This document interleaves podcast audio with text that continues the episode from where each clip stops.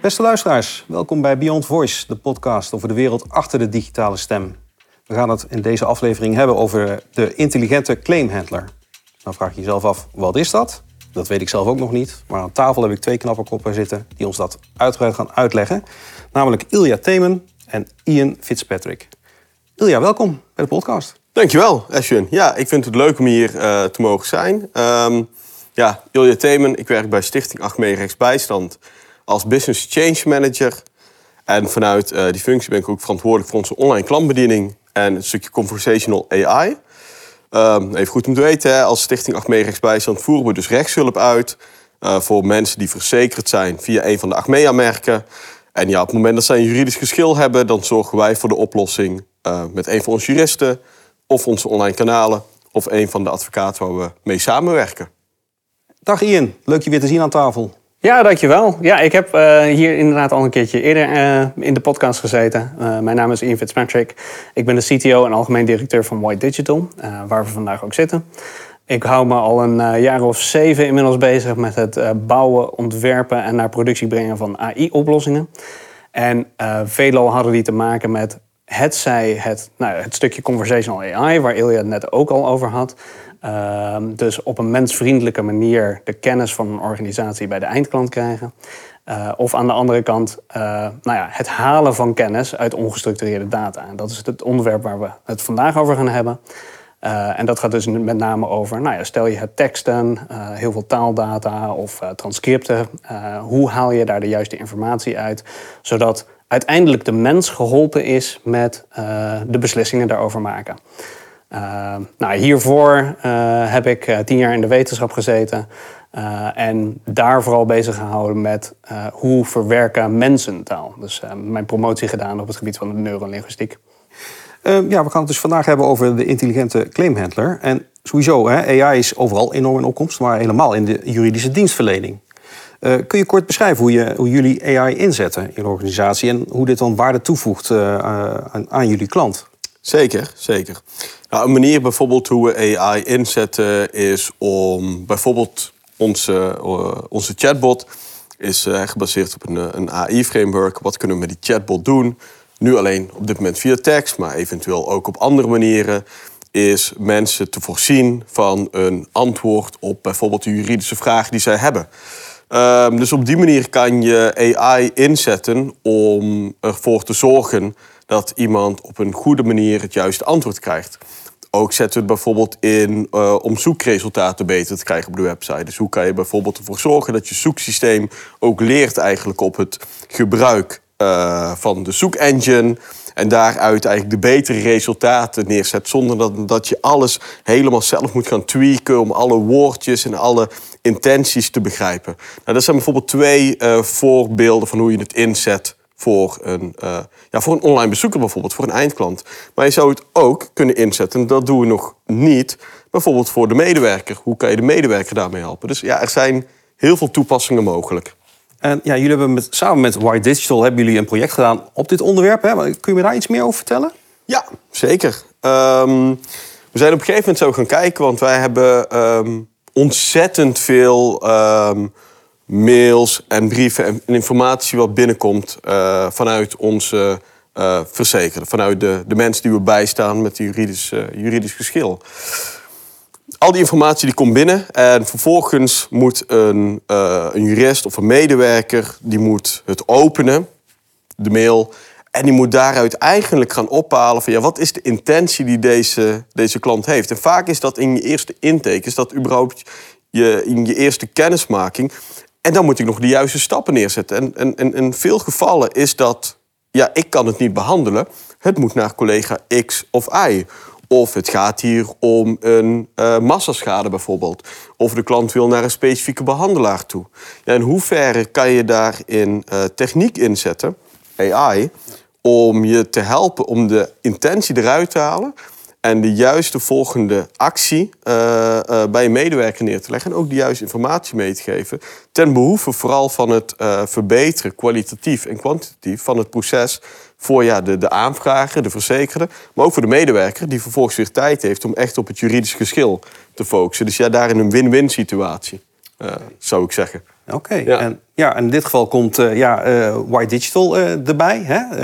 Ian, daar kan jij wat meer over vertellen. Want jij bent vanuit White Digital nauw betrokken bij dit project. Ja. En ik heb begrepen dat dit gebaseerd is op Intelligent Document Processing. Voor mij een hele mond vol. Kun je uitleggen wat dat is en ja, wat, hoe dit waarde toevoegt voor organisaties? Ja, nou, Intelligent Document Processing, dat, dat gaat dus inderdaad eigenlijk precies over wat ik eerder zei. Over het halen van kennis uit ongestructureerde data en daar vervolgens op acteren. Uh, dus je kan je voorstellen in heel veel organisaties, zoals uh, SAR, die hebben te maken met hele grote documentenstromen. En uiteindelijk is het aan de mensen om daar uiteindelijk iets mee te gaan doen. Uh, dus het zij bepalen, oké, deze dit document moet in dit bakje terechtkomen. Uh, of uh, misschien moet iemand er wel informatie uithalen en daar vervolgens een beslissing over nemen. is dit nou goed, een, iets om met prioriteit op te pakken of juist helemaal niet? dat soort beslissingen die, die voor de mens zijn altijd best arbeidsintensief. Dus je moet altijd helemaal in zo'n document gaan duiken en je moet gaan, uh, het gaan duiden. Je moet de juiste informatie zoeken, want het is niet altijd op dezelfde plek waar dat terechtkomt. Uh, mensen gebruiken andere soorten bewoordingen, dus er zitten allerlei soorten uitdagingen waar de mens mee te maken heeft. En wat we natuurlijk gezien hebben is dat de afgelopen jaren de, de AI, uh, en dat is een ontzettend paraplubegrip, maar het heeft echt een vlucht genomen in de, de mogelijkheden wat je daarmee hebt om juist die informatie eerder naar boven te halen voor die medewerker. Uh, en ik denk dat daar ook gewoon de belangrijkste waarde in zit. Uh, niet om de mens in het proces overbodig te maken, of om de AI, uh, zeg maar, beslissingen te laten nemen over, over processen, maar juist het soort van voorkoken van de informatie, zodat de mens uiteindelijk een veel makkelijkere ja, mogelijkheid heeft om beslissingen te nemen over die informatie. Um, ja, en zo hebben we dat inderdaad ook uh, uh, voor, voor SAR ingezet. Ja, want het, het, klinkt voor mij nog allemaal als abracadabra hoe, hoe, een, hoe, hoe, een computer dit eigenlijk in feite kan. Hè? Want uh, hoe, hoe, hebben jullie dit sowieso aangepakt met Achmea?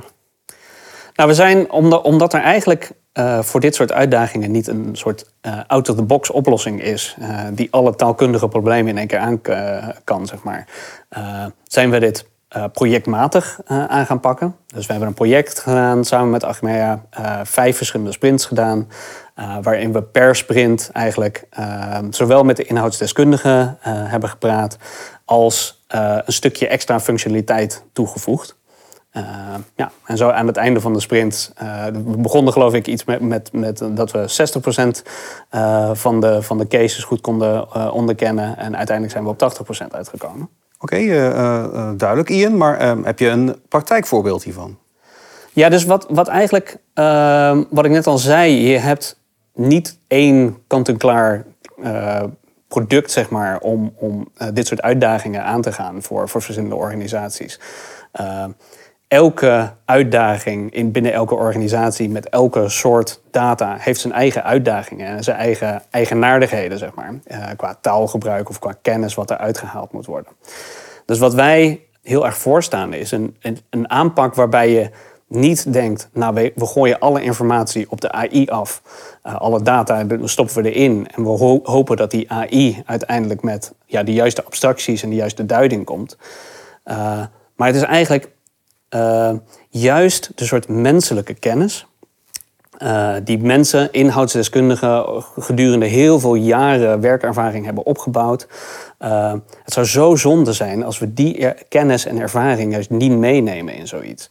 Dus wat wij proberen, weer ja, middels die, die gefaseerde aanpak, is samen met de inhoudsdeskundigen gaan kijken naar ja, wat, waar kijken jullie naar in die data? Wat zijn, wat, wat zijn de signalen waar je op let? Uh, welke aanknopingspunten heb je zelf? Op basis waarvan maak je zelf eigenlijk die, de, de duiding uh, uh, wat er in die, die documentenset zit? En dat, juist die kennis, die aanpak, die blik, proberen we te vangen in uh, de AI-oplossing.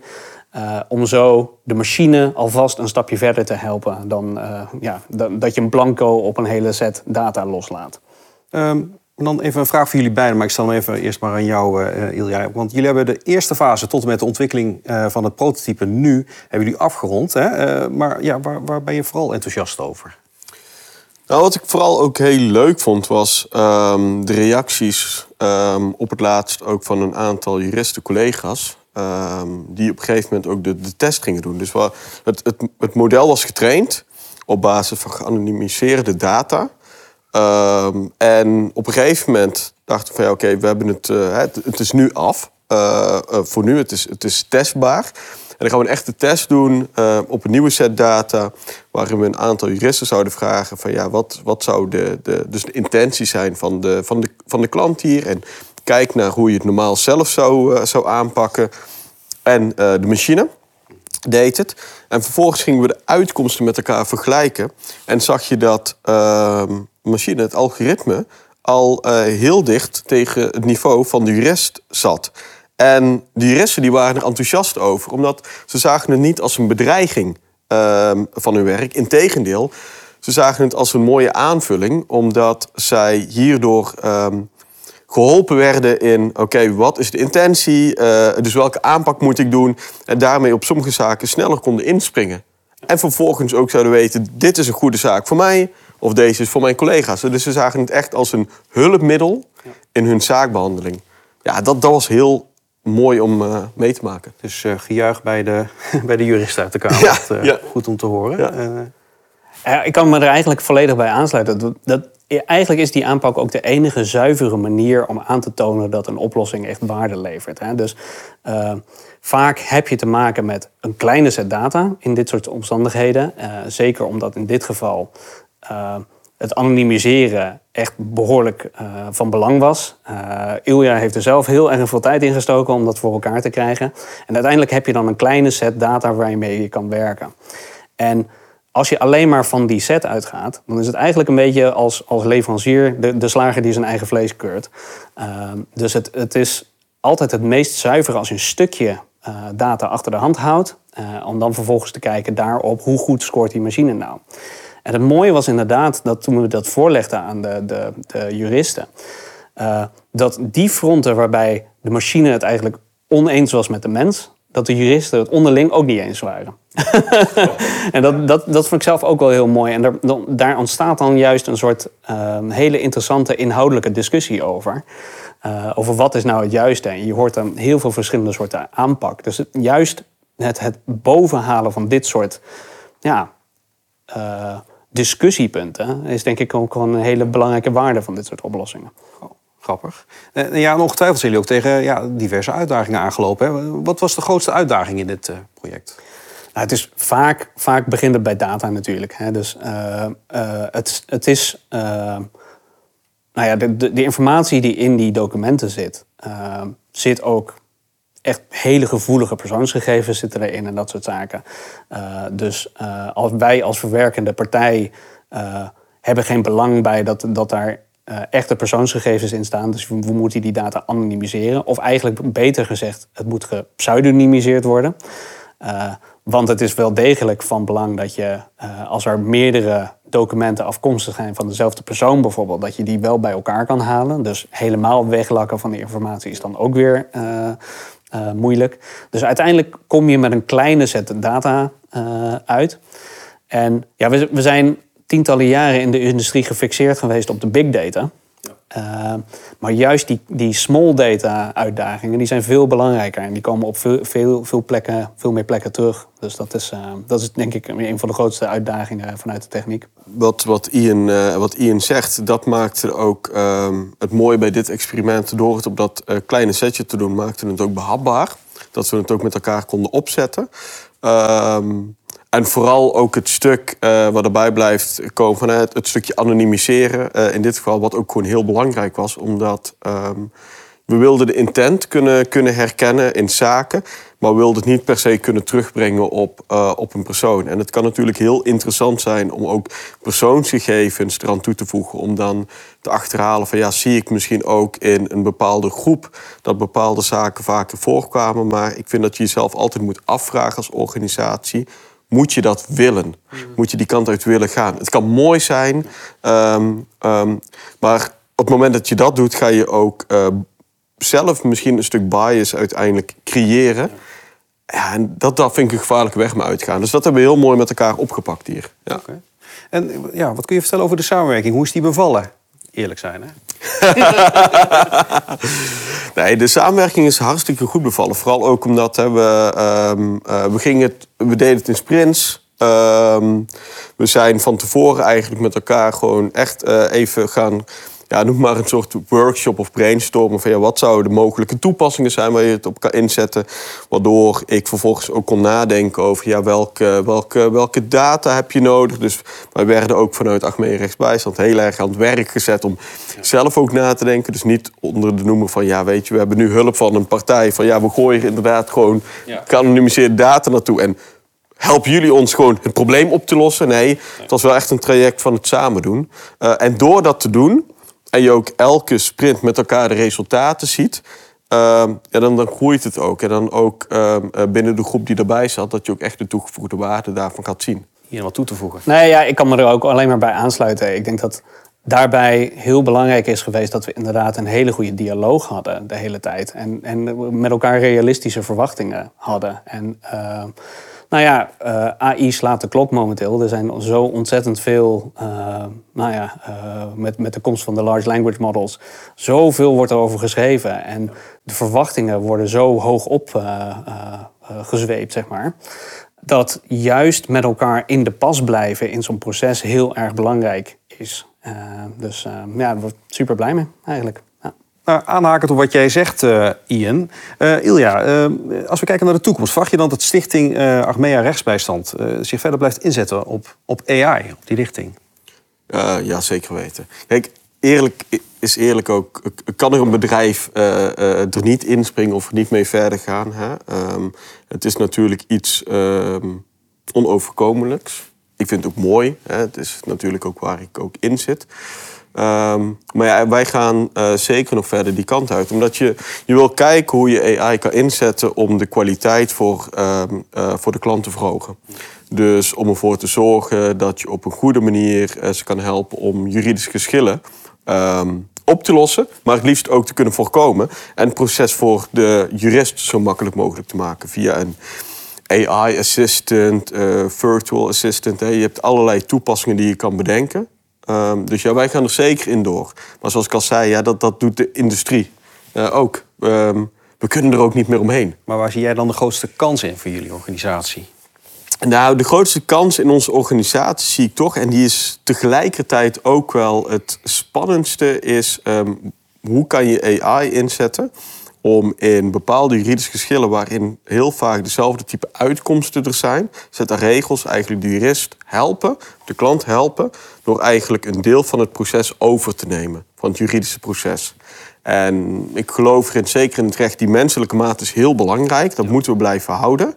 Ehm, maar je hebt een aantal, eh, aantal soort types zaken waarin je wel gewoon ziet dat je met een vaste set aan regels te maken hebt. En ik zie nu ook een omslagpunt bij heel veel juristen die ik spreek, dat ze ook steeds meer inzien van ja, het, het, als ik kijk naar hoe analytisch, analytisch ik door het wetboek heen ga en hoe ik mijn zaken voorbereid, ja, dat is soms bijna eh, programmeerwerk in mijn hoofd en op papier wat ik doe. En daar zit wel een, ehm, een, een mooie winst te behalen. Hoe kan je dat bij elkaar brengen om er eigenlijk voor te zorgen dat je ehm, een hulpmiddel krijgt toegereikt als jurist? Waarbij je nog steeds wel die human in the loop houdt. Want die menselijke maat, ja, dat is zeker in het recht, is dat, ja, dat, dat moet je wel blijven houden. Ja. Dat vind ik wel een mooi om bij aan te sluiten. Want ehm, juist dat wordt wel eens vergeten. Hè? Dat, eh, uit- uiteindelijk is AI niet het doel, maar is het middel. Het, is het middel om de mens mee te, te kunnen ondersteunen. En eh, ja, het, het mooie is dat je ook vaak ziet dat door de inzet van, van eh, AI-technologie...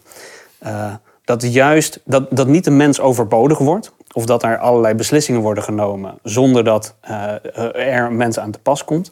Maar juist dat de mens vrijgespeeld wordt om interessanter werk te gaan doen. En eh, ik denk dat dat binnen zo'n organisatie als Achmea... waar de, die juristen zitten en die, die zijn gepassioneerd over hun vak... als je hun zoveel hulpmiddelen kan bieden... eh, zodat ze hun werk makkelijker kunnen doen. Zodat ze juist dat stukje van hun werk kunnen doen waar ze juist goed, goed in zijn en enthousiast over zijn. Nou Ja, dan heb je winst behaald als eh, eh, ja, AI-oplossing. Oké, dan heb ik hier nog een laatste vraag voor beide heren hier. Hè. Als je één gouden tip mag geven aan eh, onze luisteraar... Hè, die aan de slag wil gaan met AI... Ja, eh, wat is die gouden tip? Begin klein. Denk klein. Ehm, we zijn geneigd hè, met alles wat we om ons heen zien... van een chat-GPT tot een auto-GPT... om gelijk heel groot te denken. Van ik moet de volgende oplossing hebben... om iets helemaal volledig autonoom te kunnen laten oplossen... Ehm, maar op het moment dat je zelf ook in je huishouden gedragsverandering wil doen. Ik hield niet van de, de was doen. Uh, maar ja, we moeten het toch doen. Uh, is door iedere keer te zeggen van nou ja, nu ga ik een klein stukje zelf doen. Nee, je gaat jezelf aanleren en je gaat zo door. Want ik kan niet op één dag wakker worden en denken... ik kan het hele huishouden in één keer runnen. Dan moest ook stapje voor stapje. En hetzelfde geldt ook met de toepassingen van AI. Uh, eh, begin klein. Kijk naar wat op dit moment heel veel pijn doet bij jezelf in de organisatie. En bedenk een manier van hoe kunnen we dat werk, dat repetitieve werk, uh, met een mooie AI-toepassing ehm, oplossen. Uh, maar je moet er wel altijd voor zorgen dat je het in ieder geval ook al voor jezelf gestandaardiseerd hebt. Want elke oplossing begint met weten wat er speelt, weten hoe je werk in elkaar zit, een stukje standaardisatie. En vanuit daar kijken welke stappen er mogelijk zijn, ook met AI. Maar begin klein. Ja. Zeker, volledig mee eens. Ik denk dat het enige wat, wat ik daar misschien nog aan toe zou voegen is... we hebben nu al een tijdje over de AI. En de AI is eigenlijk een paraplubegrip. Dus het is uh, een zo'n grote verzameling aan verschillende tools en technieken en, en toepassingen ook, zeg maar. Ehm, en ik denk dat de beste metafoor die ik ervoor zou kunnen gebruiken is: het is de gereedschapskist. De AI is de geeft je het gereedschap om allerlei verschillende uh, problemen aan te pakken binnen zo'n hele keten aan uh, verschillende uitdagingen die je hebt. Laat je vooral niet aanpraten dat uh, er een stukje AI is. zelfs de, de meest geavanceerde ChatGPT die we hebben, die voor alle problemen de oplossing gaat zijn. Dus het, het is een heel belangrijk stukje gereedschap, een heel krachtig stukje gereedschap, maar zet het ook als zodanig in, zou ik zeggen. Dat is duidelijk. Dus ja, wat hebben we geleerd? Dat er ongelooflijk veel mogelijk is in, in AI. Ilja en Ian, hartstikke bedankt voor het leuke en interessante gesprek. Ik vond het echt heel interessant. ja, en ik hoop jullie graag nog een keer hierover te spreken. dit was Beyond Voice, de podcast over de wereld achter de digitale stem. Vond je dit een interessante uitzending, een interessante aflevering? Ja, abonneer je dan uh, op je favoriete podcast-app. En zo ben je altijd op de hoogte van de nieuwe afleveringen. Voor nu bedankt voor het luisteren en graag tot de volgende keer.